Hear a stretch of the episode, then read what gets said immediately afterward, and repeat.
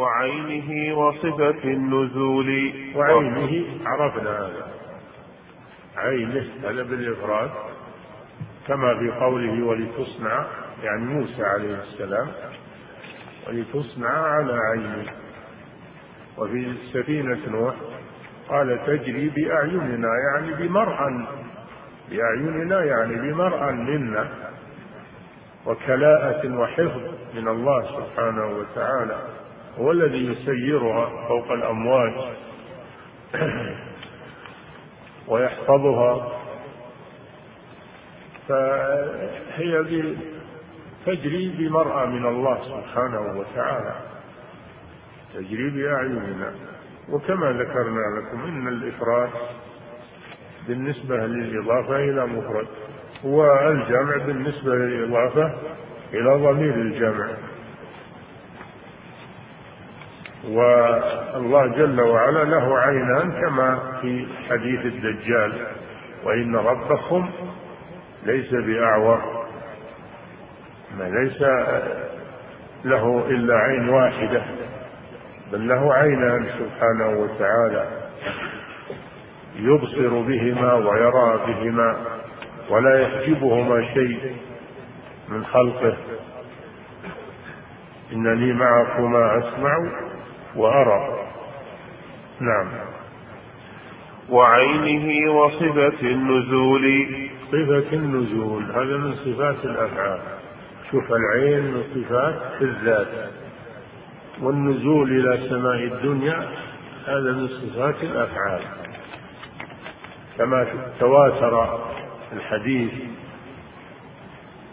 أن النبي صلى الله عليه وسلم قال ينزل ربنا إلى سماء الدنيا. حين يبقى ينزل ربنا إلى سماء الدنيا كل ليلة. حين يبقى ثلث الليل الآخر. أو الثلث الأوسط. جاء بهذا وهذا. الثلث الأوسط أو الثلث الآخر. فيقول هل من سائل فأعطيه هل من مستغفر فأغفر له؟ هل من تائب فأتوب عليه؟ فهذا الوقت وقت النزول الإلهي فينبغي للمسلم أن يستيقظ في هذا الوقت ويصلي ويسأل الله عز وجل ويدعوه ويرفع حوائجه إليه لأنه قريب مجيب. قد وعد أنه سيستجيب له وهو لا يخلف وعده. ولا ينبغي للإنسان أنه يصير كالجيفة تفوت عليه هذه المواسم العظيمة كل ليلة. يا له من حظ كل ليلة. ثم لا يأخذ منك وقت ولا يمنعك من النوم. نم نم أول الليل كله. ثلثين الليل نم. وتقوم في آخر الليل.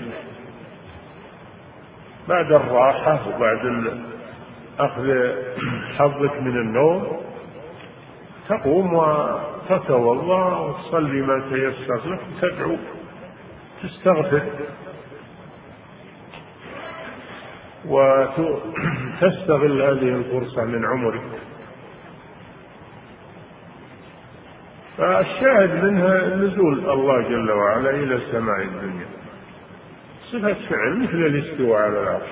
نثبته ولكننا لا نعلم كيفيته. كيف ينزل؟ الله أعلم. لكن نثبت أنه ينزل سبحانه وتعالى نزولا يليق بجلاله مثل ليس هو كنزول المخلوق. عن المخلوق كنزولك من السطح أو من المرتفع أو من الجبل. حاشا وكلا. نزول الله جل وعلا يليق بجلاله وعظمته ولا يعلمه إلا الله. لكن نثبت أن الله ينزل إلى سماء الدنيا كل ليلة. خلاف أهل الضلال الذين يقولون ينزل أمره ينزل أمره. طيب أمره يقول هل من سائل فأعطيه هل الأمر يعطي هل من داع فأستجيب له؟ هل الأمر يدعى؟ هل هو يستجيب؟ هل من مستغفر هل الأمر يستغفر؟ سبحان الله أين العقول؟ هذا دليل على أن الذي ينزل هو الله جل وعلا وهو الذي يتكلم ويقول كذا وكذا وهو الذي وعد بهذا.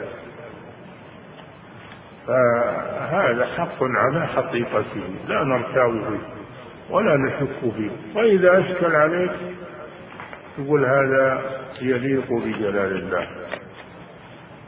هذا كيفيته لا أعلمها. يليق بجلال الله سبحانه وتعالى مثل الاستواء على العرش نعم. وعينه وصفة النزول وخلقه فاحذر من النزول. وخلقه وكذلك هذا مثال خلقه أنه يخلق سبحانه. الله خالق كل شيء. لئن سألتهم من خلق السماوات والأرض ليقولن الله. والله خلقكم. وما تعملون؟ هل من خالق غير الله يرزقكم من السماء والأرض؟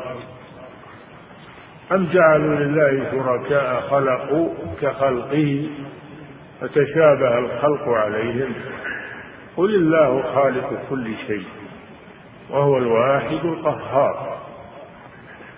فمن صفاته سبحانه أنه يخلق صفة فعل. ومن أسمائه أنه الخالق جل وعلا أنه الخالق الخالق البارئ المصور. هو الله الخالق البارئ المصور من أسمائه الخالق ومن صفاته الخلق وهي صفة فعل يخلق لا يزال يخلق سبحانه وتعالى ويرزق ويحيي ويميت ويدبر لا حد لأفعاله سبحانه لا بداية ولا نهاية صفة فعل نعم. وعينه وصفة النزول وخلقه فاحذر من النزول. احذر من النزول عن الحق. النزول عن الحق انك يعني تنزل عن الحق إلى الباطل. احذر انك تنزل من الحق إلى الباطل. فتخوض في أسماء الله وصفاته بغير علم. هذا نزول وانحطاط. وأما الإيمان بالله وبأسمائه وصفاته فهو سمو وارتفاع. واحذر انك تنزل من السمو والارتفاع والتوحيد إلى الشرك والتمثيل نعم. فسائر الصفات والأفعال قديمة لله ذي الجلال. هذا فيه نظر يعني إطلاقه أن أن سائر الأسماء والصفات قديمة هذا فيه تفصيل. أما صفات الذات فهي قديمة لا لا بداية لها ولا نهاية. وأما صفات الأفعال فهي قديمة النوع حادثة الآحاد الأفراد. قديمة النوع بمعنى أن الله يخلق ويرزق بدون حد لا بداية ولا نهاية. قديمة النوع يعني الجنس. أما آحاد الخلق والفعل فالله جل وعلا يفعل ما يشاء إذا شاء. الآحاد حادثة وأما نوع الفعل فهو قديم. الله جل وعلا كلم الأبوين وناداهما ربهم. ألم أنهكما؟ هذا كلام حادث في وقته. المنادات هذه حادثة في وقتها. وكلم الله موسى تكليما. هذا حادث. في وقت تكليمه لموسى عليه السلام. سمع موسى كلامه وخطابه. ولذلك سمي موسى بالكليم عليه الصلاة والسلام. وهذه مرتبة لم ينلها غيره. أن الله كلمه بدون واسطة. لذلك سمي بكليم الله. هذا تكليم حادث في وقته. لما إن موسى جاء بأهله عائدا إلى مصر أنهى أنهى مدة رعاية الغنم التي جعلها مهرا لامرأته فلما أنهاها رجع إلى مصر. رجع إلى مصر بامرأته. فلما قضى موسى الأجل وسار بأهله. سار بأهله إلى أين؟ إلى مصر. من فلسطين. وفي أثناء أتى عليهم الليل وأصابهم البرد وظلوا الطريق. إذا هو بنار. إذا هو بنار تتوقد ففرح بها. وقال لأهله يمكثوا يعني اجلسوا وانتظروا. وراح لما النار يبي يجيب منها يبي يسأل عن الطريق. لعلي أجد على النار هدى. يسأل عن الطريق وليأخذ جمرة جذوة من النار.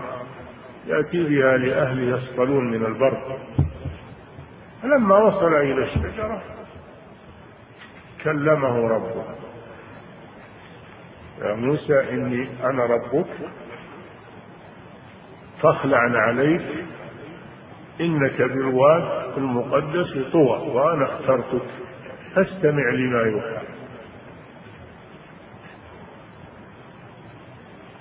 فلما أتاها نودي من شاطئ الوادي الأيمن في البقعة المباركة من الشجرة أي يا موسى؟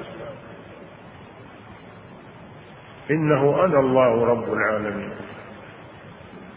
فسمع موسى كلامه. هذا كلام حادث وقت في وقته. في تلك الليلة المباركة.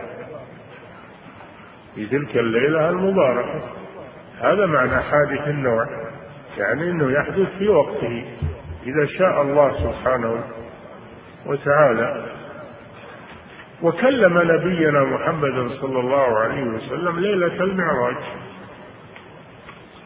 وكلم جبريل عليه السلام بالوحي. القرآن. القرآن حادث. ما يأتيهم من ذكر من ربهم محدث. إلا استمعوا وهم يلعبون. محدث يعني أن الله تكلم في وقته. وأسمعه جبريل أمين الوحي ونزل به على محمد صلى الله عليه وسلم. كلام فأفعال الله جل وعلا تتجدد وليست قديمة مطلقة قديمة النوع لكنها حادثة الأفراد والآحاد. فقول الناظم رحمه الله أن صفاته قديمة على الإطلاق هذا خطأ. لابد من التفصيل. نعم.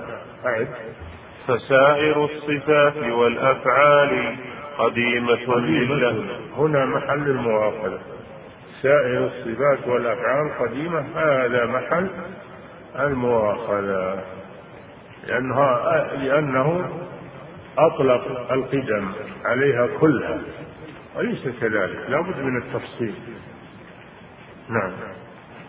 فسائر الصفات والأفعال قديمة لله ذي الجلال. لا, لا, لا شك أن الله جل وعلا ذو الجلال والإكرام الذي لا أجل منه سبحانه وتعالى. نعم.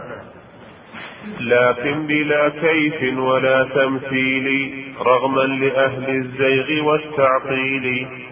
هذه القاعدة أننا نثبت أسماء الله وصفاته الذاتية والفعلية إثباتا بلا تمثيل يعني لا نغلو في الإثبات كما غلت الممثلة. وننزهه عن صفات المخلوقين تنزيها بلا تعطيل.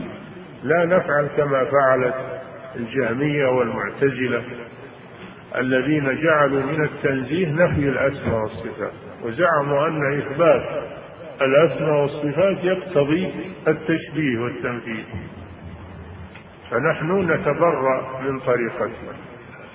نثبت بلا تمثيل وننزه بلا بلا تعطيل. هذه هي القاعدة العظيمة الأسماء والصفات. وهذا مذهب أهل السنة والجماعة وهو الوسط بين الإفراط والتفريط. وأهل السنة والجماعة ولله الحمد وسط في كل أمور الدين. لا غلو ولا تساهل. لا إفراط ولا تفريط. هذا ما عليه أهل السنة والجماعة. الوسطية. كما أن الأمة وسط بين الأمم. كذلك جعلناكم أمة وسطا. فأمة محمد وسط بين الأمم. يعني عدل خيار. وليس عندها غلو وليس عندها تفريط. هي متوسطة. كذلك أهل السنة والجماعة بين الفرق. هم وسط بين الفرق بين فرق التعطيل وفرق التمثيل. بين فرق التعطيل وفرق التمثيل أو فرق الغلو وفرق التساهل في أبواب كثيرة. أهل السنة وسط. ولله الحمد. في كل ما اختلف فيه الناس أهل السنة هداهم الله إلى الحق والوسط. فهدى الله الذين آمنوا لما اختلفوا فيه من الحق بإذنه. والله يهدي من يشاء إلى صراط مستقيم. شوف مستقيم معتدل. ما في انحراف بزيادة ولا في انحراف بنقص. إنما هو صراط مستقيم معتدل. نعم. لكن بلا كيف ولا تمثيل رغما لأهل الزيغ والتعطيل. رغما لأهل الزيغ والتعطيل من طائفتين الممثلة والمعطلة. نحن نراغمهم ونخالفهم. فنثبت ما أثبته الله لنفسه من الأسماء والصفات خلافا للمعطلة. وننزه الله جل وعلا عن صفات المخلوقين وأسماء المخلوقين خلافا للمشبهة والممثلة. نعم. فمرها كما أتت في الذكر من غير تأويل وغير فكر. أمر أمر الأسماء والصفات كما أتت في الذكر يعني في القرآن. القرآن يسمى الذكر من أسمائه الذكر والقرآن والفرقان والتنزيل. فنحن نمر ما جاء في الكتاب والسنة من الأسماء والصفات كما جاءت بلفظها ومعناها. نمرها بلفظها ومعناها. لا نحرف لفظها ولا نؤول معناها بل نمرها كما جاءت وليس معنى نمرها إننا نمر اللفظ ونفوض معناه إلى الله كما هو مذهب المفوضة. اللي يقولون نمر لفظها ونكل معناها إلى الله هذا تفويض. لا نحن نمر لفظها ونؤمن بمعناها. ولا نفوض كما تقوله المفوض.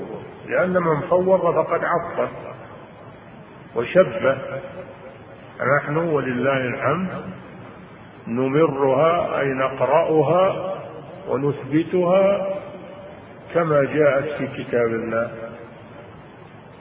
لا نغير شيء من لفظها كما غير من قال استوى بمعنى استولى. أو نغير معناها فنقول اليد بمعنى القدرة والوجه بمعنى الذات والرحمة بمعنى إرادة الإنعام إلى غير ذلك من التأويلات. جاء ربك جاء أمره ينزل ينزل أمره. حرفوا معناها حرفوا معناها. ومنهم من حرف لفظها مثل استوى قال استولى. نحن نبرأ إلى الله من هذه الطريقة. نحن نمر النصوص كما جاءت. ونعتقد معناها كما تدل عليه. ولا نتدخل في ذلك. هذا هو الإيمان. هذا هو الإيمان. وأما من راح يتكلم فيها هذا يقول على الله بغير علم. والله جل وعلا جعل القول عليه بغير علم فوق الشرك. قال تعالى قل إنما حرم ربي الفواحش ما ظهر منها وما بطن والإثم والبغي بغير الحق. وأن تشركوا بالله ما لم ينزل به سلطانا وأن تقولوا على الله ما لا تعلمون. أن تقولوا على الله ما لا تعلمون. هذا من القول على الله من غير علم. إذا راحوا يتصرفون في الأسماء والصفات يزيدون وينقصون ويفسرون بغير معناها الصحيح هذا قول على الله بغير علم وهو عديل الشرك أو هو أشد من الشرك والعياذ بالله. نعم.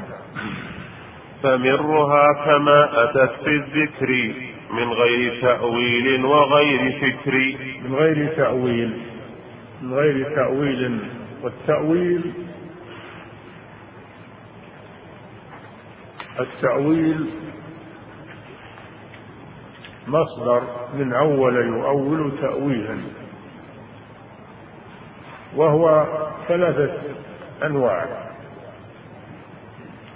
النوع الأول التأويل بمعنى التفسير وبيان المعنى. تأويل بمعنى التفسير وبيان المعنى.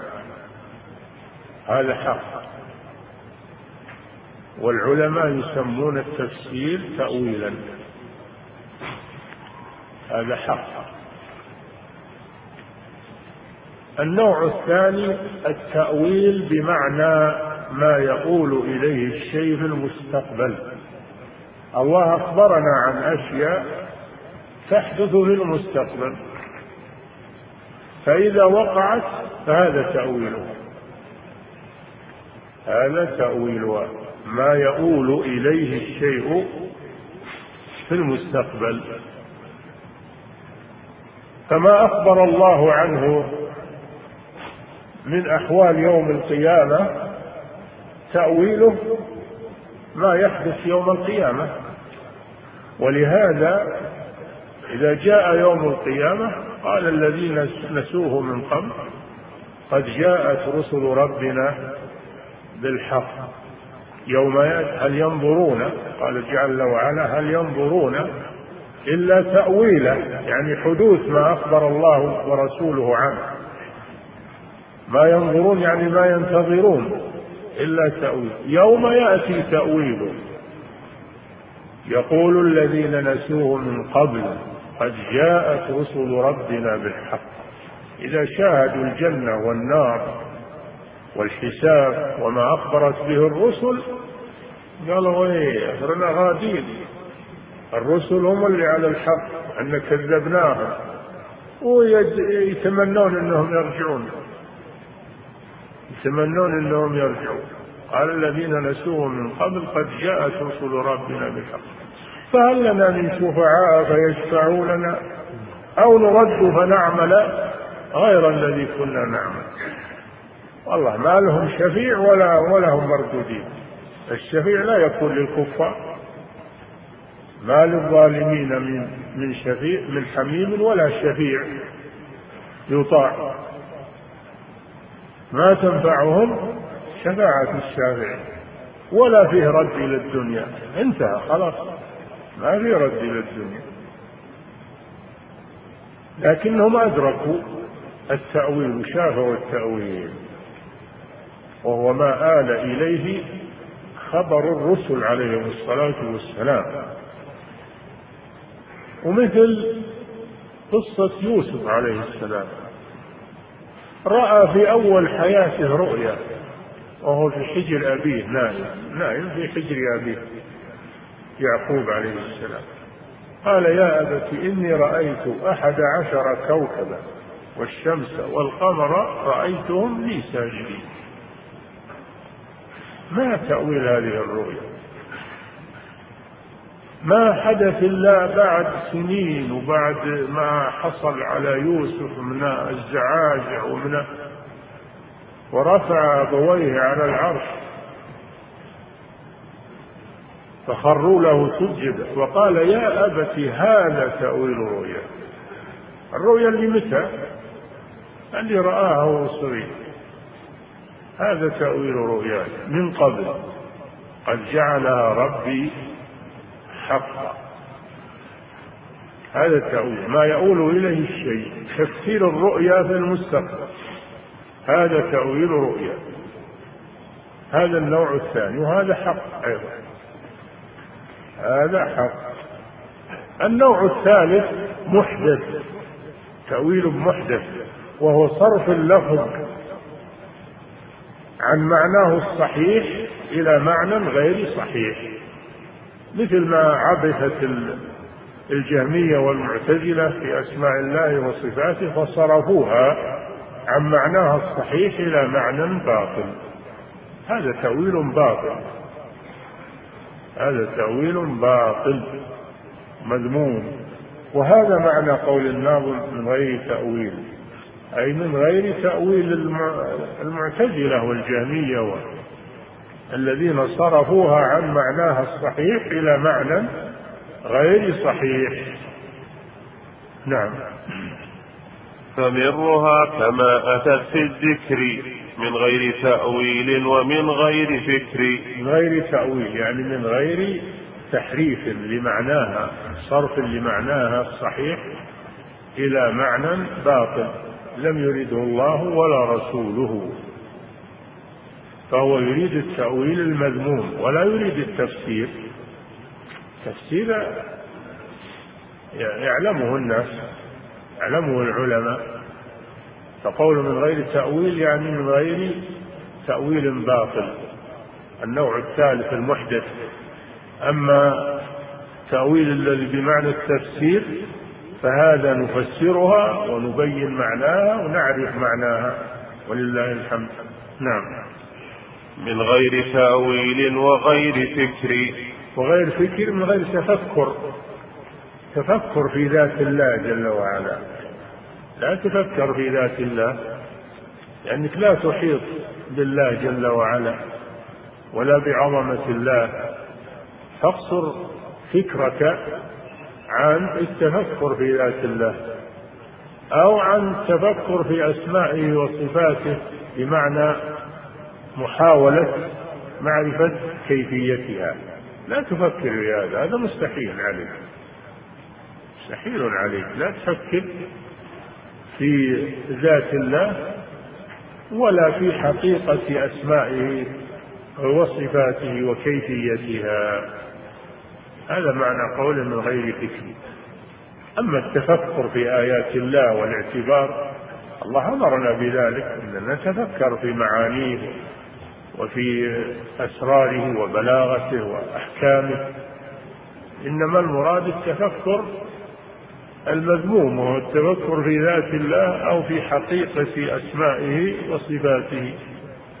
هذا ليس من شأننا ولا نستطيعه ولسنا مكلفين به وليس لنا مصلحة للبحث فيه. نعم. ويستحيل الجهل والعجز كما قد استحال الموت حقا والعمى. يستحيل في حق الله جل وعلا الجهل. الله جل وعلا عالم بكل شيء. والجهل نقص. نزه الله عنه سبحانه وتعالى. نعم. يستحيل. ويستحيل الجهل والعجز كما والعجز ينزه الله عن العجز لأن له القدرة التامة جل وعلا لا يعجزه شيء. نعم. والعمى يعني عدم البصر الله جل وعلا سميع بصير. نعم. ويستحيل الجهل والعجز كما قد استحال الموت حقا والعمى استحال على الله الموت الحي الذي لا يموت لا يعتريه موت بل لا يعتريه نوم سنة ولا نوم. الله لا إله إلا هو الحي القيوم لا تأخذه سنة ولا نوم. لا يعتريه موت ولا يعتريه سنة ولا نوم. الموت الأصغر وهو النوم والموت الأكبر وهو عدم الحياة. الله جل وعلا لا يزال حيا ولم يزال حيا سبحانه وتعالى لا يعتري حياته نقص ولا زوال. نعم. فكل نقص قد تعالى الله عنه فيا بشرى لمن والاه. نعم. كل نقص فإن الله جل وعلا منزه عنه شيء معلوم. كل نقص فإن الله جل وعلا منزه عنه. لما ذكر أمثلة العجز والعمى أجمل فقال كل نقص الله جل وعلا نزه نفسه عن كل نقص وكل عيب نعم. فصل. يكفي أحسن الله إليك صاحب الفضيلة. أيها الإخوة الأسئلة كثرت الحقيقة وجملة كثيرة منها مر عليها كلام الشيخ في تقريره وشرحه. فلو أن الإخوان ما استعجلوا في عرض الأسئلة حتى يسمعون كلام الشيخ عليه هذا سائل يا صاحب الفضيلة يقول ذكرتم حفظكم الله في الدرس الماضي أن الصحيح أن أول واجب على المكلف هو عبادة الله جل وعلا. هو عبادة الله جل وعلا. ولقد قرأت في أحد الكتب أن قضية الألوهية لم تكن محل خلاف. إنما قضية الربوبية هي التي كانت تواجهها الرسالات وهي التي كانت تواجهها الرسالة الأخيرة. وأنا, وأنا على هذا إقرار منذ السنين. فما هو الحق يا شيخ في هذا الأمر؟ هذا كلام منكوس هذا كلام منكوس توحيد الربوبية لم يجري فيه اختلاف بين الرسل وبين الأمم. إنما الذي جرى فيه الخلاف هو توحيد الألوهية. الرسل يقول كل رسول يقول لقومه اعبدوا الله. هذا توحيد الألوهية. ولم يقل لهم أقروا بربوبية الله لأنهم مقرون بها. نعم. أحسن الله إليكم صاحب الفضيلة. وهذا السائل يقول هل يقال إن لله مكان؟ يقال الله في العلو جل وعلا. مكان يحويه؟ لا. لكن في العلو جل وعلا. لا يحويه جهة من خلقه. ليس في مكان من خلقه. وأما أنه في العلو هذا هو الحق. نعم. أحسن الله إليكم صاحب الفضيلة وهذا السائل يقول الذي ينفي الصفات عن الله تعالى هل يكفر؟ ولماذا لم يكفر السلف المعتزلة والأشاعرة؟ يدريك أنهم ما كفروا؟ الذي ينفي الأسماء والصفات عن الله إن كان مقلدا أو متأولا يظن أنه على حق وهو ليس كذلك. هذا لا يكفر يدرى عنه التكفير بالتأويل أو التقليد. أما الذي يتعمد نفي الأسماء والصفات وهو يعلم هذا لا شك في كفره. وكفر خمسمائة عالم كما ذكر ابن القيم كفروا الجهمية. كفروا الجهمية. نعم. أحسن الله إليكم صاحب الفضيلة وهذا السائل يقول ما رأيكم في هذه العبارة؟ لا يكفر من قتل نبيا أو أهان المصحف إلا إذا توافرت الشروط فيه وانتفت الموانع. من أهان المصحف كفر. ومن قتل نبيا جاحدا لرسالته فلا شك إنه كافر. لا شك في كفره ولكن هذا يظهر أن السؤال ذا منبثق عن مذهب المرجئة. نعم. أحسن الله إليكم صاحب الفضيلة. وهذا السائل يقول شخص اسمه عبد الله فما حكم تدليله بعبودي أو عبادي أو عبيد؟ سمه عبد الله ولا تقول عبيد ولا عبادي ولا هذه كلها من الم... من الأغلاط. نعم. أحسن الله إليكم صاحب الفضيلة وهذا السائل يقول لماذا لا يسلك في باب الإخبار عن الله مسلك الأسماء والصفات؟ فلا يخبر عن الله إلا ما أخبر هو عن نفسه أو أخبر عنه رسوله صلى الله عليه وسلم. وما الدليل على أن باب الإخبار أوسع من باب الأسماء والصفات؟ نعم هذه قاعدة أن باب الإخبار عن الله بأنه يخلق ويرزق و... أنه من باب الأسماء والصفات فلا يثبت لله من الأسماء والصفات إلا ما أثبته لنفسه. أما الإخبار عن الله بأنه يخلق بأنه يرزق بأنه قديم هذا لا بأس لأنه لا يخرج عن عن الحق. نعم. أحسن الله إليكم صاحب الفضيلة. وهذا السائل يقول ورد في أذكار الركوع والسجود قول قول النبي صلى الله عليه وسلم سبوح قدوس. السؤال هل سبوح من أسماء الله؟ وما معنى سبوح وقدوس؟ من التنزيه سبوح إلى المسبح المنزه. والقدوس كذلك التقديس هو التنزيه. فسبوح والقدوس صيغة مبالغة. من التنزيه والتقديس. السبوح معناه المسبح أي المنزه والقدوس معناه المقدس والمنزه عن النقص. نعم. أحسن الله إليكم صاحب الفضيلة. وهذا السائل يقول هل القدرة لله تعالى متعلقة بالممكنات فقط؟ وما الفرق بين المستحيل والممكن؟ قلنا لكم فيما سبق أن القدرة تتناول الواجب والممكن. أما المستحيل فهو على قسمين. مستحيل لذاته هذا لا تتعلق به القدرة لأنه ليس بشيء. المستحيل لذاته ليس بشيء كوجود خالق مع الله جل وعلا. هذا مستحيل. وليس بشيء ليس مع الله. خالق. أما المستحيل عادة المستحيل عادة يعني عادة الناس يمكن أنه يجي وقت ما يصير مستحيل. فهذا الله قادر عليه سبحانه وتعالى. نعم. أحسن الله إليكم صاحب الفضيلة. وهذا السائل يقول هل الماجد والكامل من أسماء الله فيجوز التسمي بهما والدعاء إلى الله بهما. نعم. هل الماجد والكامل من أسماء الله؟ يوصف بأنه ماجد وأنه كامل. أما الاسم المجيد الاسم المجيد. نعم.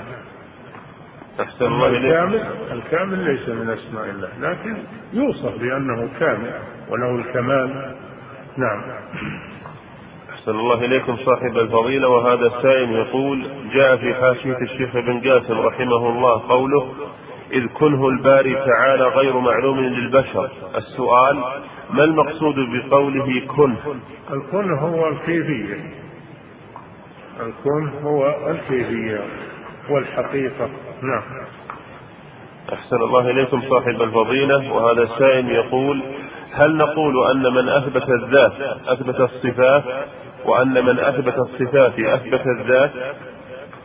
من أثبت الذات يلزمه إثبات الصفات.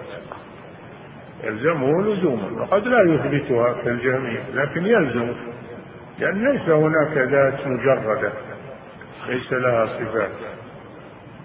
هذا معدوم الذي ليس له صفات هذا معدوم. فيلزم من إثبات الذات إثبات الصفات. نعم. أحسن الله إليكم صاحب الفضيلة وهذا السائل يقول أرجو التوضيح في الفرق بين التمثيل والتشبيه. لا فرق بينهما إلا أن الله نفى التمثيل عنه سبحانه. فيعبر باللفظ الوارد في القرآن ليس كمثله شيء. أما التشبيه هذا ما ورد وإن كان معناه صحيحا لكنه لم يرد. فنحن نعبر بما جاء في القرآن ليس كمثله شيء. نعم. عفى الله عنكم صاحب الفضيلة. هذا السائل يقول هل الاستواء على العرش من الصفات الذاتية أم من صفات الأفعال؟ يعني واللي تكلم لما ما هو صحيح ولا ما سمع. نقول الاستواء على العرش صفة فعل يفعلها إذا شاء سبحانه مثل النزول. مثل النزول يفعله إذا شاء سبحانه. نعم. أحسن الله إليكم صاحب الفضيلة. وهذا سائل يقول هل الجهل عارض من عوارض منع تكفير المعين بإطلاق أم أن الجهل فيه تفصيل الجهل إذا كان عنده من يعلمه يمكنه التعلم ليس بعذر. إذا كان عنده من يعلمه يمكنه يسأل. ولكنه قصر ولم يسأل ولم يتعلم هذا ليس له عذر. إذا بلغه القرآن والسنة ليس له عذر. أما الجهل اللي ما يمكنه يزول لأن ما في مكان منقطع ما عنده أحد يسأل ولا عنده أحد يتعلم منه هذا معذور. نعم. وهذا نادر أو أو معدوم الآن. نعم. أحسن الله إليك صاحب الفضيلة. وهذا السائل يقول هل كل صفات الأفعال قديمة النوع حادثة الآحاد؟ بلا شك نعم. أن الله متصف بها بلا حد ولا بداية. أما أفرادها فإنها تحدث إذا شاء الله سبحانه وتعالى.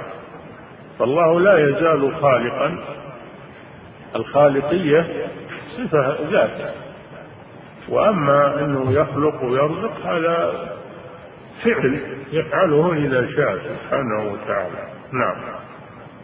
أحسن الله إليكم صاحب الفضيلة وهذا السائل يقول قرأت في أحد الكتب في معنى قول النبي صلى الله عليه وسلم ورجل استحيا فاستحيا الله منه أن معنى ذلك أن الله قبله ورحمه. فهل هذا من التأويل؟ نعم هذا تأويل. هذا تأويل. الله يستحيي لكنه ليس كاستحياء المخلوق. إن الله لا يستحيي أن يضرب مثلا ما بعوضة الله يستحيي لكن ليس كاستحياء المخلوقين. فنثبت الاستحياء لله على وجه يليق بجلاله سبحانه وتعالى. نعم.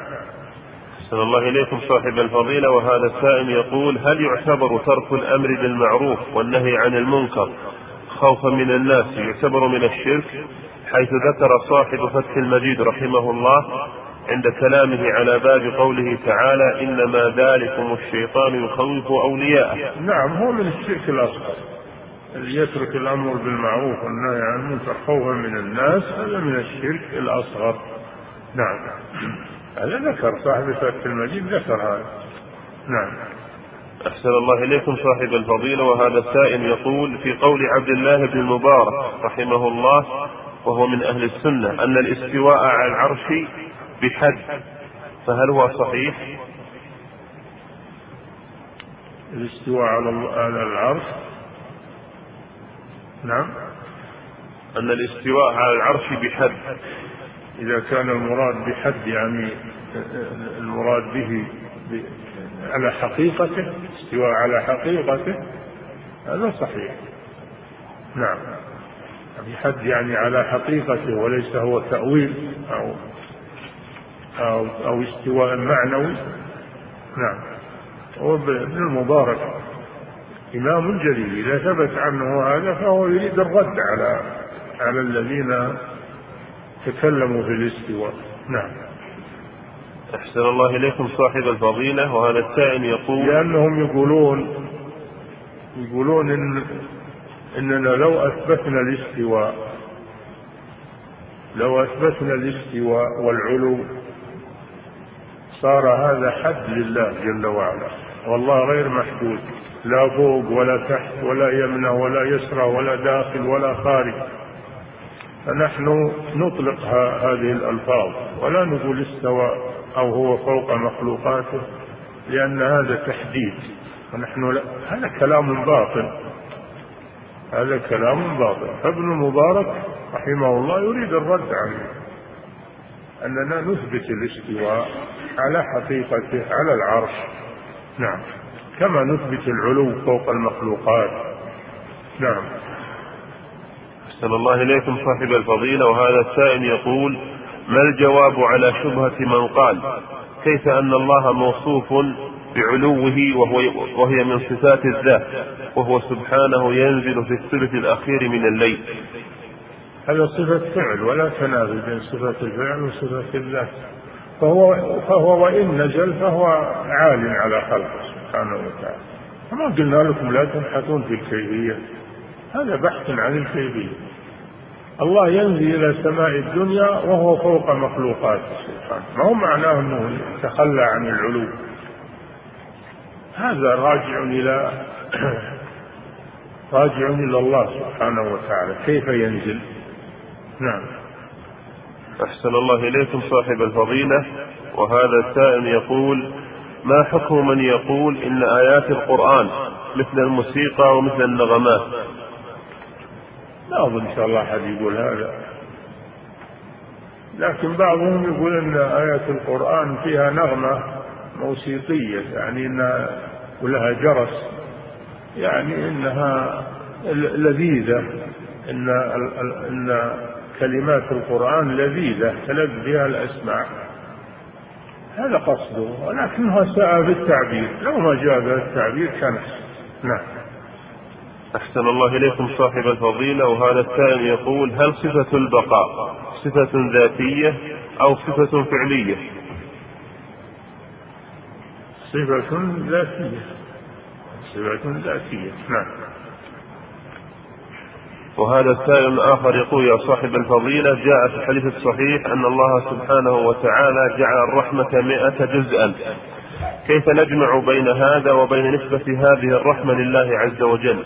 فهل هي صفة من صفاته أم أنها خلق من مخلوقات؟ الرحمة على قسمين صفة مخلوقة مثل انظر إلى آثار رحمة الله. المطر رحمة.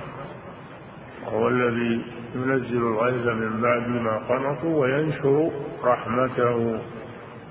المطر رحمة. والرحمة اللي تراحم بها الخلق هذه مخلوقة. الله خلقها ووضعها في الخلق. أما الرحمة التي هي صفة من صفاته سبحانه فهذه لائقة بجلاله عز وجل. نعم. أحسن الله إليكم صاحب الفضيلة. وهذا السائل يقول ما رأيكم في من يقول إن لله صفة الضحك فلا بد أن نثبت له صفة الفم. فهل كلامه صحيح؟ كلام باطل. هذا كلام باطل. كلام سامج أيضا في حق الله. نحن نقول نثبت أن الله يضحك بدون أن نعلم كيفية كيف يضحك. نعم. الله يتكلم دون أن نقول كيف يتكلم بلسان وشفاه ولا هوات مثل الخلق. لا بحث في الكيفية. نثبت الكلام لله على ما يليق به. ولا نتعدى هذا. أنا أحذركم من هذا التنطع. لا تتعدوا عبارات السلف وعبارات القرآن والسنة. نعم.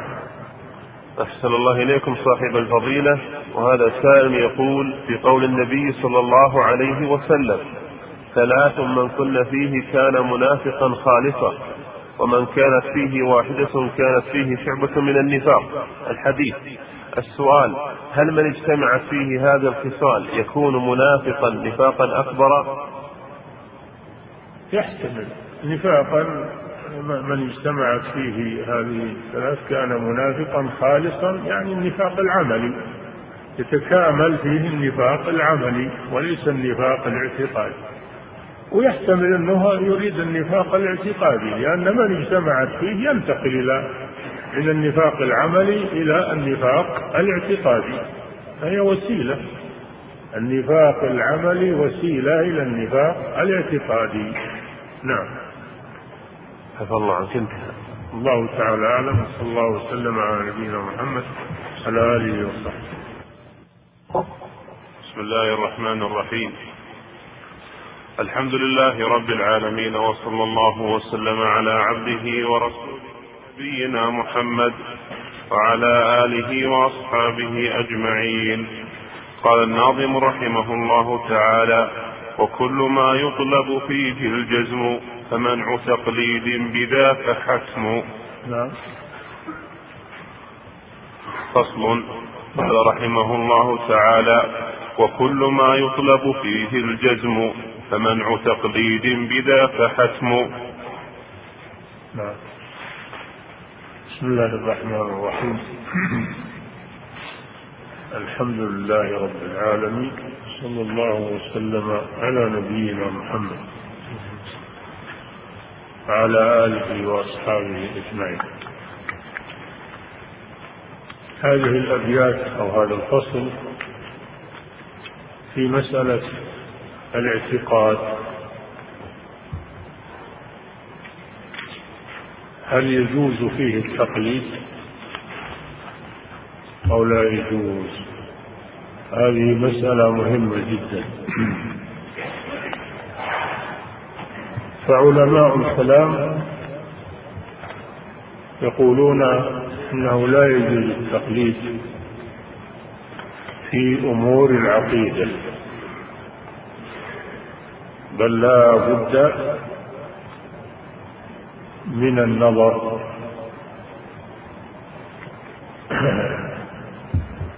من النظر والاستدلال بالأدلة العقلية. لأنها تفيد اليقين. الأدلة العقلية عندهم تفيد اليقين. وأما الأدلة السمعية وهي أدلة الشرع عندهم أنها لا تفيد اليقين. لذلك يوجبون على الخلق النظر في الأدلة العقلية حتى يتوصلوا إلى الاعتقاد الجازم.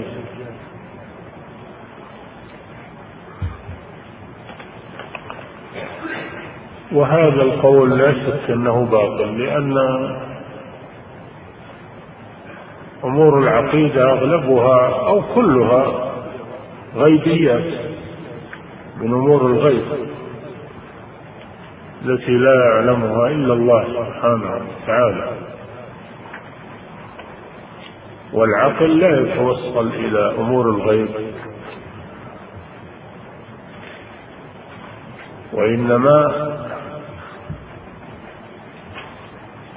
يعتمد على أخبار الشرع التي نزلت بها الكتب وجاءت بها الرسل. اعتمد فيها على أدلة السمع أي أدلة الشرع التي أنزلها الله سبحانه وتعالى في كتبه. وجاءت بها رسله. وهي تفيد اليقين. تفيد اليقين والجزم. لأنها من عند الله عز وجل. أو من عند ورسل الله. وهم أعلم بالله سبحانه.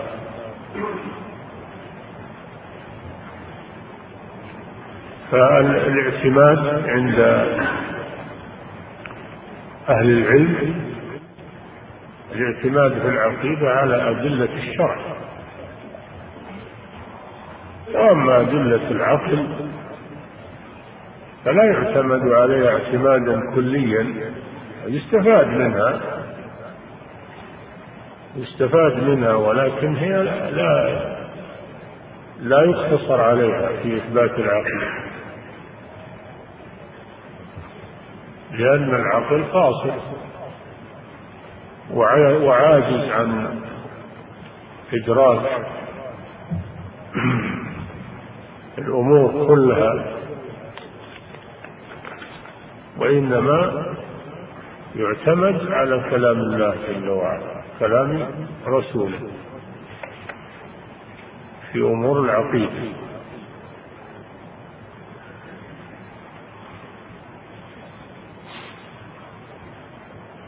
وأما التقليد التقليد هو قبول قول الغير من غير دليل هذا هو التقليد قبول قول الغير من غير دليل. يعني من غير إنه يطلب المقلد يطلب الدليل لأن المقلد لا يعرف الدليل وإنما يقلد غيره. والتقليد على قسمين. تقليد بمعنى الاتباع والاقتداء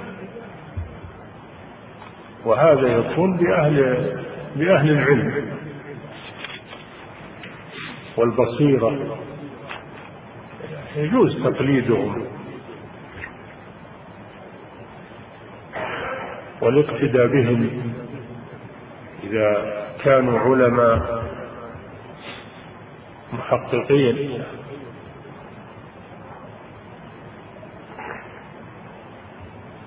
يوسف عليه السلام قال واتبعت ملة آبائي إبراهيم وإسحاق ويعقوب. ما كان لنا أن نشرك بالله من شيء. فالاقتداء والاتباع إذا كان على حق. إنه إنه صحيح. وهو حق. أما الاقتداء بعلماء الضلال فلا يجوز. لا في أمر العقيدة ولا في غيره. وهذا التقليد الأعمى. أما التقليد الصحيح الذي يكون اتباع أهل الحق وأهل العلم فهذا لا بأس به. ثم أيضا العوام. العوام ما يستطيعون أنهم يعرفون تفاصيل العقيدة. العوام لا يستطيعون معرفة تفاصيل العقيدة وإنما هذا من شأن العلماء. أما العوام فيكتفي يكتفى منهم بالاعتقاد المجمل. يكتفى منهم بالاعتقاد المجمل. وأما التفاصيل هذه عند أهل العلم. ولهذا كان الناس مسلمون على عهد النبي صلى الله عليه وسلم ينطقون بالشهادتين. ويقبل صلى الله عليه وسلم منهم ذلك. يقبل منهم ذلك. ولا يطالبهم بأنهم يذكرون تفاصيل العقيدة إنما يكتفي منهم بالشهادة. فيكفي من العام المسلم الاعتقاد المجمل. وأما العالم فلا بد من معرفته بتفاصيل العقيدة فالناس مختلفون في هذا الأمر فليسوا على حد سواء؟ الاستعداد والمعرفة. لا يكلف الله نفسا إلا وسعها. فالعقيدة هي الجزم. إذا جزم الإنسان فقد اعتقد. ويعبر عن الجزم بالاقتناع. إذا اقتنع إذا اقتنع وجزم فهذا هو هو الاعتقاد. هو الجزم والاقتناع وليس الاعتقاد هو النظر لأدلة الكلامية وعلم المنطق كما يقولون. نعم. وكل ما يطلب فيه الجزم فمنع تقليد بذا فحسم هذا ليس على إطلاقه. تقليد يجوز. يجوز للعام الذي لا يتوصل إلى تفاصيل مسائل العقيدة يجوز أن يقلد فيها. نعم. لأنه لا يكتفى لا لأنه لا يكتفى بالظن لذي التجاء في قول أهل الفن. اي نعم هذا كله على اصطلاح هذا الكلام. يعني الظن عندهم الشك والظن واليقين. أما الشك فهو التردد بين أمرين لا مرجحا لأحدهما على الآخر. هذا يسمى شك. والظن هو التردد بين أمرين أحدهما أرجح من الآخر. هذا يسمى الظن. واليقين هو الشيء الذي ليس فيه احتمال ولا تردد. ليس فيه تردد وإنما هو جزم. وهذا هو المطلوب في العقيدة. المطلوب في العقيدة اليقين والجزم لا الشك ولا ولا الظن. مطلوب فيها الجزم واليقين. وكل على حسب حال فإذا توصل الإنسان إلى اليقين والجزم في نفسه يكفي هذا. نعم.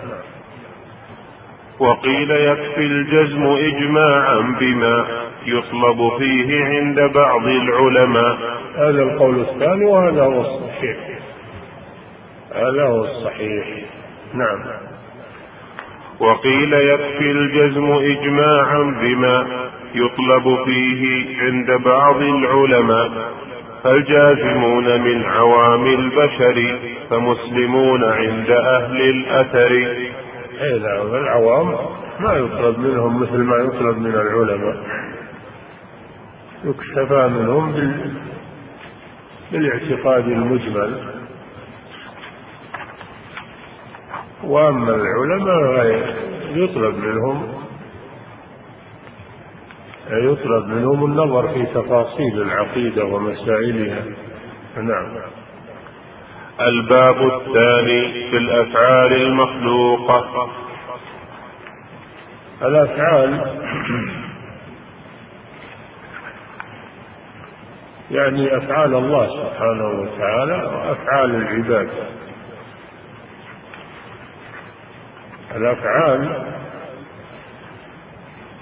مخلوقه لانها توجد بعد أن لم تكن.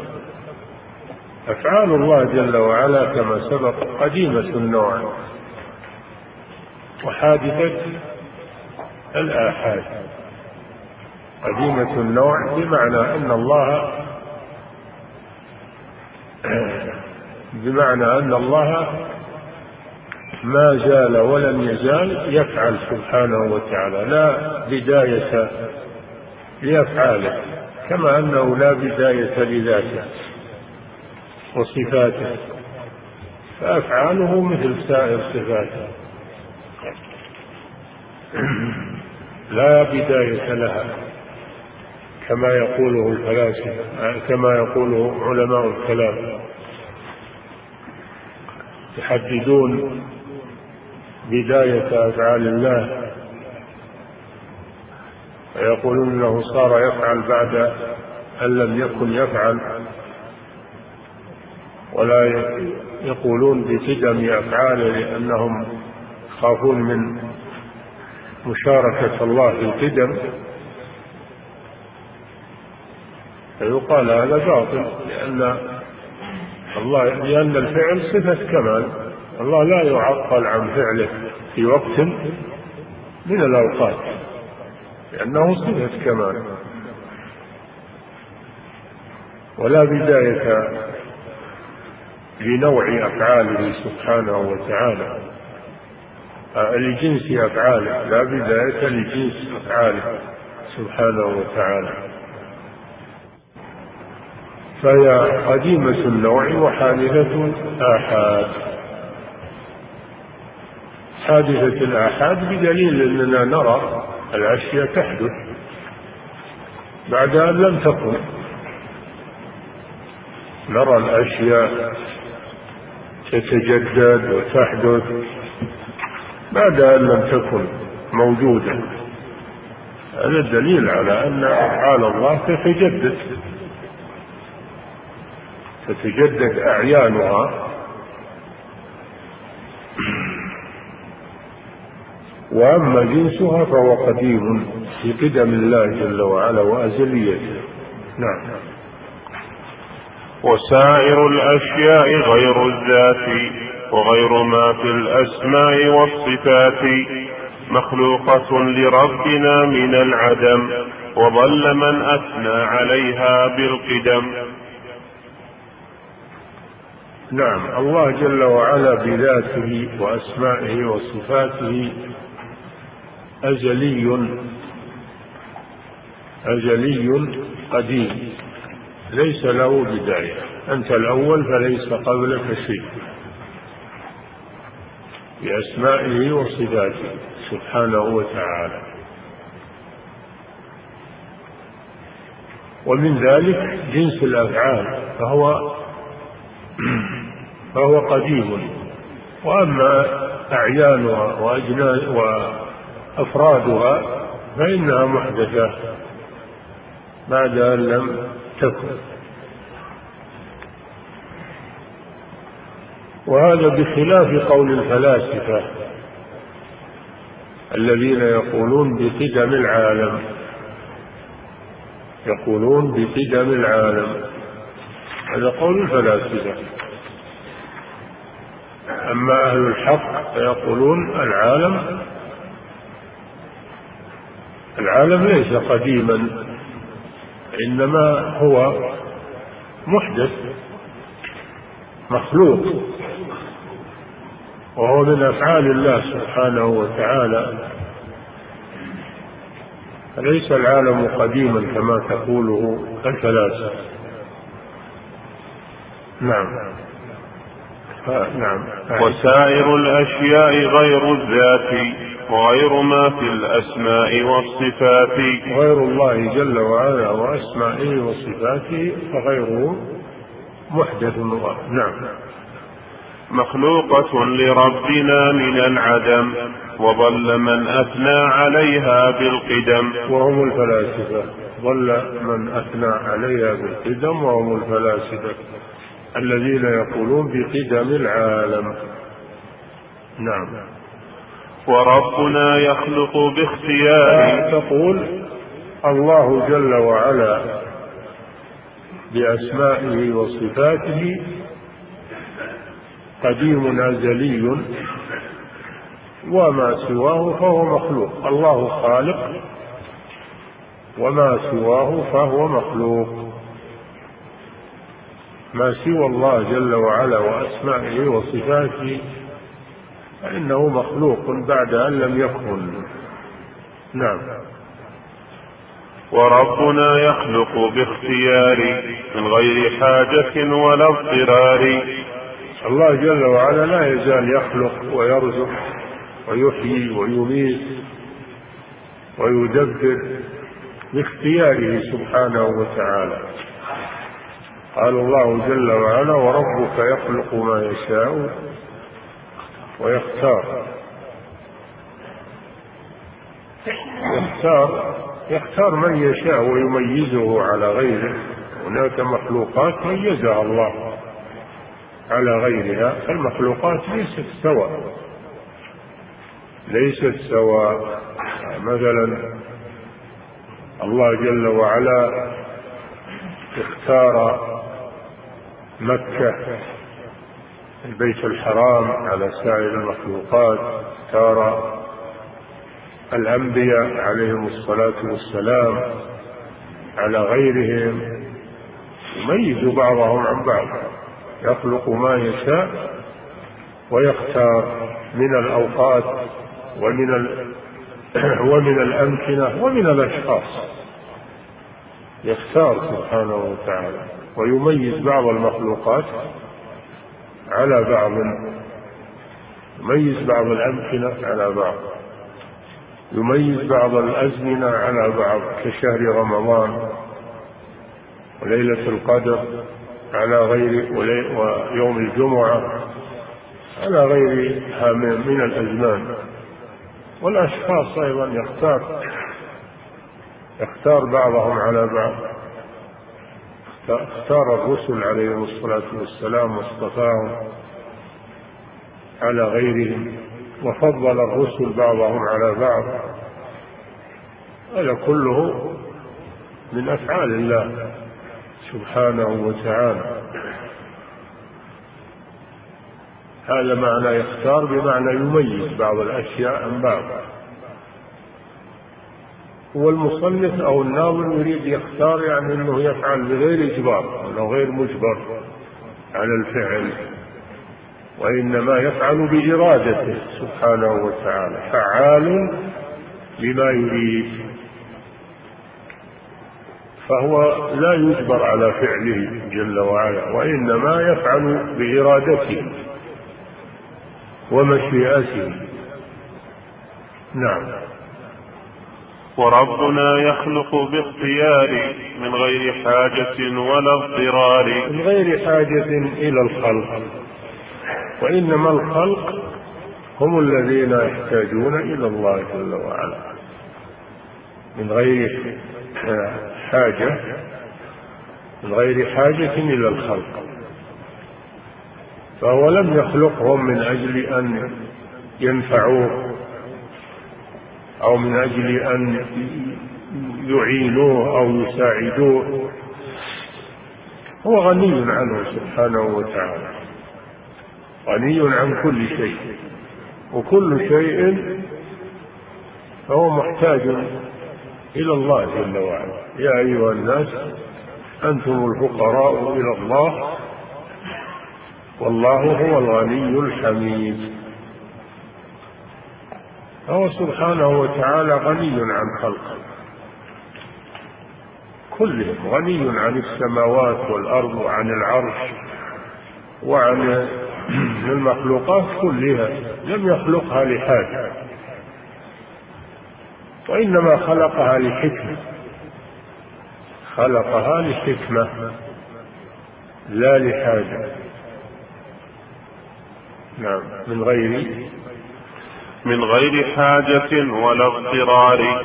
من غير حاجة ولا اضطرار. هذا في مقابل يخلق باختيار يعني أنه يخلق بإرادته ومشيئته من غير أن يضطره شيء إلى الخلق ويجبره على الخلق. نعم.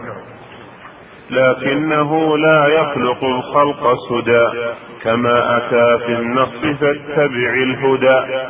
فاتبع الهدى. نعم. لكنه لم يخلق الخلق سدى يعني من غير حكمة. وإنما خلقهم لحكمة. كما قال تعالى أفحسبتم أنما خلقناكم عبثا وأنكم إلينا لا ترجعون؟ أيحسب الإنسان أن يترك سدى؟ الله جل وعلا لم يخلق خلقه عبثا من غير حكمة. بل خلقهم لحكمة عظيمة. ما خلقنا السماوات والأرض وما بينهما باطل وما خلقنا السماء والأرض وما بينهما باطلا. ذلك ظن الذين كفروا. وويل للذين كفروا من النار. إن في خلق السماوات والأرض اختلاف الليل والنهار لآيات لأولي الألباب الذين يذكرون الله قياما وقعودا وعلى جنوبهم ويتفكرون في خلق السماوات والأرض ربنا ما خلقت هذا باطلا سبحانك فقنا عذاب النار والله لم يخلق هذه المخلوقات لم يخلقها لأنه محتاج إليها بل هو الغني سبحانه وهي المحتاجة إليه. ولم يخلقها عبثا من غير حكمة بل خلقها لحكمة لتدل على لتدل على قدرته سبحانه وعلمه وحكمته وقوته سبحانه وتعالى. هذه المخلوقات تدل على الله جل وعلا. آيات. لآيات لأولي الألباب. آيات يعني دلالات تدل على عظمة الله جل وعلا وعلى قدرته وعلى حكمته وعلى علمه وعلى إحاطته بكل شيء. فهي تدل على صفات الله جل وعلا. هذا من الحكمة. تستدل بها العقول على الله جل وعلا لأن كل مخلوق لا بد له من خالق. وكل موجد لا بد له من موجد وكل محدث لا بد له من محدث. هذا دليل فطري عقلي سمعي أن كل مخلوق لا بد له من خالق. ما خلق من غير شيء فهي تدل على عظمة الله قدرته كذلك تدل على استحقاقه للعبادة. أن الذي خلق هذه الأشياء هو المستحق للعبادة أما الذي لا يخلق لا يستحق العبادة. أيشركون ما لا يخلق شيئا وهم يخلقون؟ الذي لا يخلق لا. فهذا من الحكم أنها تدل على أن الله جل وعلا هو المستحق للعبادة لأنه هو الخالق وهو الرازق وهو المحيي المميت. ثم أيضا خلق هذه المخلوقات وإيجادها. ألا يدل على اليوم الآخر وأن الذي خلق هذه المخلوقات وبدأها من عدم أليس هو قادرا على إعادتها؟ على إعادة الخلق وبعثهم يوم القيامة ومجازاتهم على أعمالهم؟ يعني يعملون في هذه الدنيا يعملون في هذه الدنيا. أحد يعمل بالكفر؟ والمعاصي والفسق وأحد يعمل بالطاعات والاستقامة. ويصيرون سواء يموتون جميع ولا تكون له نتيجة أعمالهم. هذا وصف لله بالعبث لا بد أن يبعثهم وأن يجازي المحسن بإحسانه والمسيء بإساءته. وإلا لو تركوا بدون جزاء وأنهم يعملون ما شاءوا في هذه الدنيا يموتون فنجعل المسلمين كالمجرمين؟ ما لكم كيف تحكمون؟ أم حسب الذين اجترحوا السيئات أن نجعلهم كالذين آمنوا وعملوا الصالحات سواء محياهم ومماتهم ساء ما يحكمون. فأفعال الخلق ما تروح سدى. لا بد أنهم يجازون بها ولا نراهم يجازون في هذه الدنيا. دل على أن هناك دار جزاء غير هذه الدنيا. يشوف الكافر يكفر ويلحد ويعمل الأشياء ويموت ما ما أصابه شيء. دليل على أن أمامه الجزاء. نشوف العبد الصالح المنيب التواب الذي أفنى عمره بالطاعة يموت ويمكن يموت فقير ما عنده شيء نبت مريض. هذا دليل على أن جزاؤه ينتظر دار الآخرة. فهذا الخلق لم يخلق عبثا وهذا الإنسان لم يترك سدى يعمل ما يشاء ويسرح ويمرح بس ويروح هذا لا يليق بحكمة الله جل وعلا وعدله. أنه يسوي بين الصالح والطالح والكافر والمؤمن. يعيشون في هذه الدنيا يموتون خلاص تنتهي. لا لا بد من هناك جزاء. لا بد من هناك بعث وحساب. الدار الآخرة. الدار الدنيا هذه دار عمل. ولا حساب والآخرة دار جزاء ولا عمل.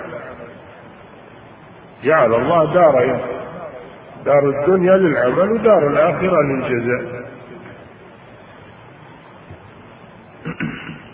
هذه حكمة الله جل وعلا في هذا الخلق وهذا الكون.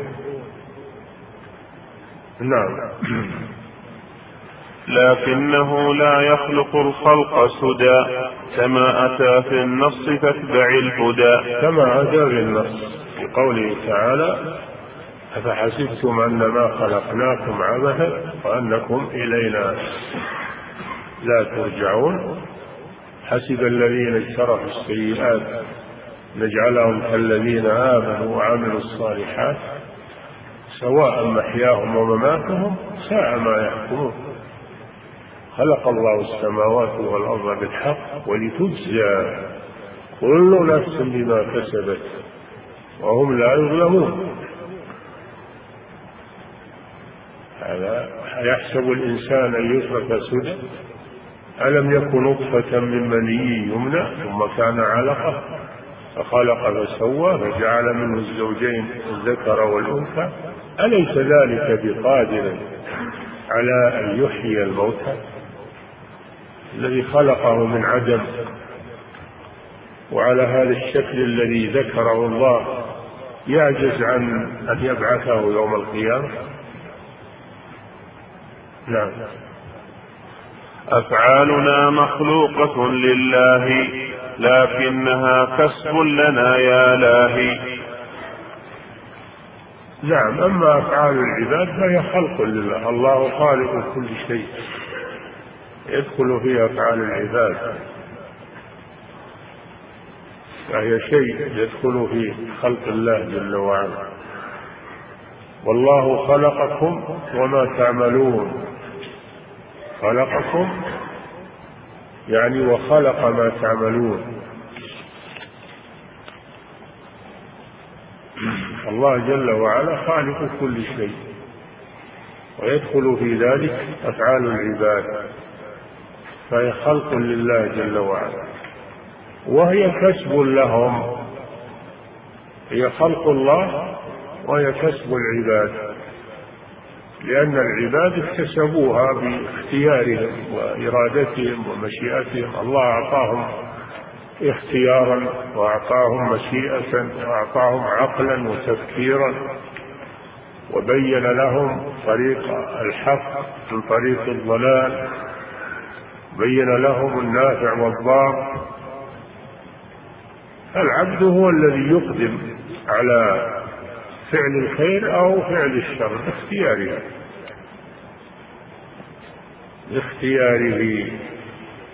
وهذا لا يتنافى مع أن الله قدر ذلك وخلقه. فهي خلق الله وهي فعل العبد. فعل العبد واكتساب اكتساب العبد. ولذلك يثاب على الطاعة ويعاقب على المعصية لأنها صادرة عن إرادته وعن اختياره وعن مشيئته. فهو يقدر أن يصلي ويقدر أن يصوم ويقدر أن يعمل الصالحات ويقدر على ترك الصلاة وعلى ترك الصيام وعلى فعل الفواحش. يقدر على هذا. ما هم مجبر ولا مكره وليس هو يفعل بدون عقل عقله معه تفكيره معه. ما هو مجنون. ولذلك المجنون لا يؤاخذ. وكذلك المكره لا يؤاخذ. المجنون لا يؤاخذ والمكره لا يؤاخذ لأنه ليس له لأنه ليس له ما اختيار ولا مشيئة. أما الإنسان العاقل المختار فهذا يؤاخذ هذا فيه رد على الجبرية الذين يقولون إن العبد مجبر وليس له اختيار ولا مشيئة وإنما هو يحرك كالآلة كالآلة بيد المحرك لها. هذا قول الجبرية الذين يغلون في إثبات أفعال العباد. يغلون في إثبات آه، في إثبات آه، أفعال الله جل وعلا. يغلون في إثبات أفعال الله جل وعلا. ويقابلهم القدرية هم المعتزلة الذين يقولون إن الله لم يخلق أفعال العباد وليس له فيها إرادة ولا مشيئة وإنما العباد هم الذين يخلقون أفعالهم استقلالا. يخلقون أفعالهم استقلالا. لا أن الله قدرها عليهم أو خلقها فيهم. فهم على طرفي نقيض مع الجبرية. الجبرية نفوا قدرة العبد واختياره وغلوا في إثبات أفعال الله. والقدرية على العكس. غلوا في إثبات قدرة العبد وإرادة العبد ونفوا إرادة الله ومشيئته وخلقه لأفعال العباد. على طرفي نقيض. أما أهل السنة والجماعة فهم الوسط. يقولون هي أفعال الله هي خلق الله جل وعلا هي خلق الله وهي أفعال العباد باختيارهم وإرادتهم وقدرتهم ومشيئتهم. وهذا جمع بين الأدلة جمع بين الأدلة.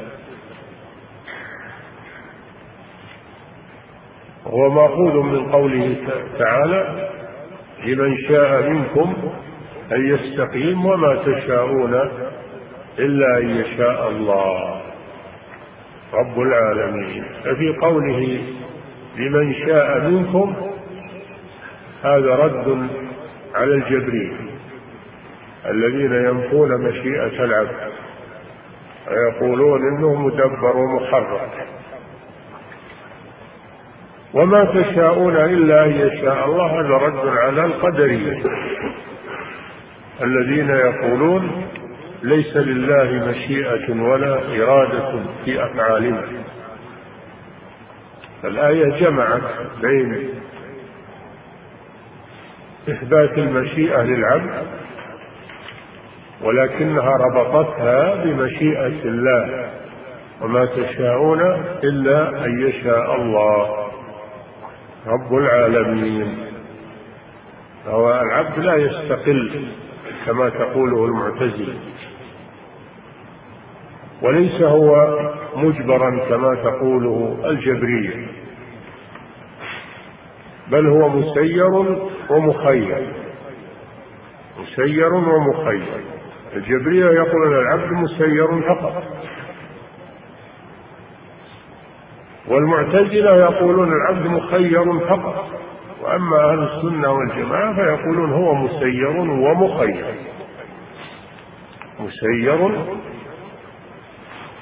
أنه لا يخرج عن إرادة الله ومشيئته ومخير لأن الله أعطاه قدرة واختيارا فإذا أراد الخير يسر الله له الخير. وإذا أراد الشر يسر الله له الشر. كما قال تعالى فأما من أعطى فأما من أعطى واتقى وصدق بالحسنى فسنيسره لليسرى. وأما من بخل واستغنى وكذب بالحسنى فسنيسره للعسرى. والنبي صلى الله عليه وسلم يقول اعملوا فكل ميسر لما خلق له. لما ذكر للصحابة أن أن الأمور بقدر الله وقضائه قالوا أفلا نترك العمل يا رسول الله؟ ونتكل على كتابنا؟ قال لا اعملوا فكل ميسر لما خلق له. فالعبد إذا أراد الخير ورغب في الخير ومال إلى الخير يسر الله له الخير وإذا كان على العكس أراد الشر ومال إلى الشر فإن الله ييسر له الشر. كل ميسر لما خلق له. فالسبب من قبل العبد. فعل السبب من قبل العبد نعم. أفعالنا مخلوقة لله. أفعالنا مخلوقة لله هذا رد على القدرية المعتزلة. نعم. أفعالنا مخلوقة لله لكنها كسب لنا يا لاهي لكنها كسب لنا هذا رد على الجبرية. يقولون ما هي كسب لنا؟ هي فعل الله وحده ما لنا فيها. هذا رد على الجبرية نعم. وكل ما يفعله الإلهي هذا رد على اللي, اللي أخذ بأحد القولين. إما الجبر وإما آه، نفي القدر. هذا يعتبر لاهيا عن معرفة الأدلة. نعم. وكل ما يفعله العباد من طاعة أو ضدها مراد. كل ما يفعله العباد من طاعة أو معصية. ضدها يعني معصية. ضد الطاعة المعصية مراد لله جل وعلا. مراد لله بمشيئته وإرادته سبحانه وتعالى. ليس هو بإرادة العبد فقط كما تقول القدرية. نعم. وكل ما يفعله العباد من طاعة أو ضدها مراد لربنا من غير ما اضطرار منه لنا تفهم ولا تماري مرادة لله مرادة لله هذا رد على القدرية الذين يقولون أفعالنا ليست مرادة لله. وإنما هي مرادة للعباد استقلالا. نعم. وكل ما يفعله العباد من طاعة أو ضدها مراد لربنا من غير ما اضطرار من غير ما اضطرار هذا رد على الجبرية. الذين يقولون العباد مجبورون على أفعالهم ليس لهم اختيار. نعم. لربنا من غير ما اضطرار منه لنا تفهم ولا تماري افهمه افهم هذا وفصل هذا التفصيل واجمع بين الأدلة ولا تماري يعني لا تجادل بالباطل لا تجادل بالباطل كما يجادل أهل الضلال. الذين يأخذون طرفا من الأدلة ويتركون الطرف الآخر. فالجبرية أخذوا بطرف الأدلة التي جعل المشيئة أرادت نفسها جل وعلا هو هو الخالق وهو الذي المدبر وهو الذي له المشيئة النافذة. نسوا هذا. فكل من الطائفتين أخذ بطرف من النصوص. وأما أهل السنة والجماعة فإنهم جمعوا بين النصوص. جمعوا بين النصوص لأن كلها من عند الله سبحانه وتعالى.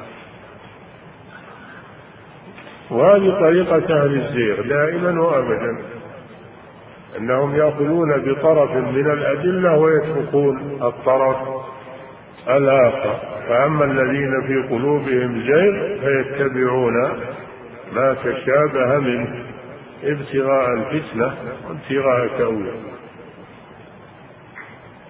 أما الراسخون في العلم يقولون آمنا به كل من عند ربنا. يجمعون بين كلام الله كلام رسوله. ولا يأخذون ببعضه ويتركون البعض. إنما يقولون كل من عند ربنا وما يذكر إلا أولو الألباب. ربنا لا تزغ قلوبنا بعد إذ هديت. يعني كما زاغ الذين في قلوبهم زيغ وأخذوا بالمتشابه.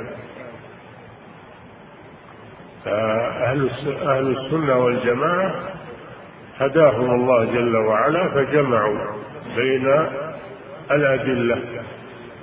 وفسروا بعضها ببعض ولم يضربوا بعضها ببعض وقالوا كل من عند ربنا كله حق. فالله جل وعلا له مشيئة وله إرادة وهو الخالق لكل شيء لكن العباد لهم أيضا مشيئة ولهم إرادة ولهم أفعال. ولهم أفعال جمعوا بين هذا وهذا. وما تشاءون إلا أن يشاء الله. تشاءون أضاف المشيئة إليه. هذا رد على الجبرية. إلا أن يشاء الله هذا رد على القدرية. آية واحدة فيها الهدى ولله الحمد فيها النور. القرآن كله يفسر بعضه بعضا ويوضح بعضه بعضا. كلام الرسول صلى الله عليه وسلم. لكن هذا يحتاج إلى علم ويحتاج إلى رسوخ في العلم. أما المبتدئ وأما الجاهل وأما ما يصلح يتكلم في في مسائل العلم حتى يترسخ في العلم ويعرف طرق الاستدلال. يعرف طرق الاستدلال يعرف الخاص والعام والمطلق والمقيد والمحكم والمتشابه و يعرف الأمور والناسخ والمنسوخ يعرف. هي المسألة بس إذا وجدت آية أو حديث تأخذه على طول وتستدل دون إنك تنظر فيه هل هو معارض لدليل آخر أو ما هو معارض وهل وكيف الجمع بينهما؟ ما يصلح. هل هذا الحديث هل هذا الدليل اللي انتقدت هل هو صحيح من ناحية السند أو غير صحيح؟ هل هو محكم ولا منسوخ؟ لابد من ولهذا ألف العلماء رحمهم الله ألفوا أصول الفقه ألفوا أصول الفقه وألفوا أصول التفسير لهذا الغرض. أصول الفقه لمعرفة الاستدلال وكيفية الاستدلال واستنباط الأحكام. أصول التفسير لمعرفة كيف يفسر كلام الله عز وجل. كيف يفسر كلام الله؟ وضعوا له قواعد. أخذوها من من نفس القرآن ومن السنة. لا يجوز لأحد أنه يدخل في هذه الميادين حتى يتعلم. ويدرس أصول الفقه ويدرس أصول التفسير ويدرس مصطلح الحديث ليعرف الصحيح من السنة من الضعيف من من الموضوع. يعرف يعرف الأحاديث الشاذة والأحاديث غير الشاذة يعرف هذه الأمور. هذا لابد منه لابد للإنسان يتعلم. ما هو إذا صار يعرف الحروف ويتهجى يأخذ كتاب ويقرأ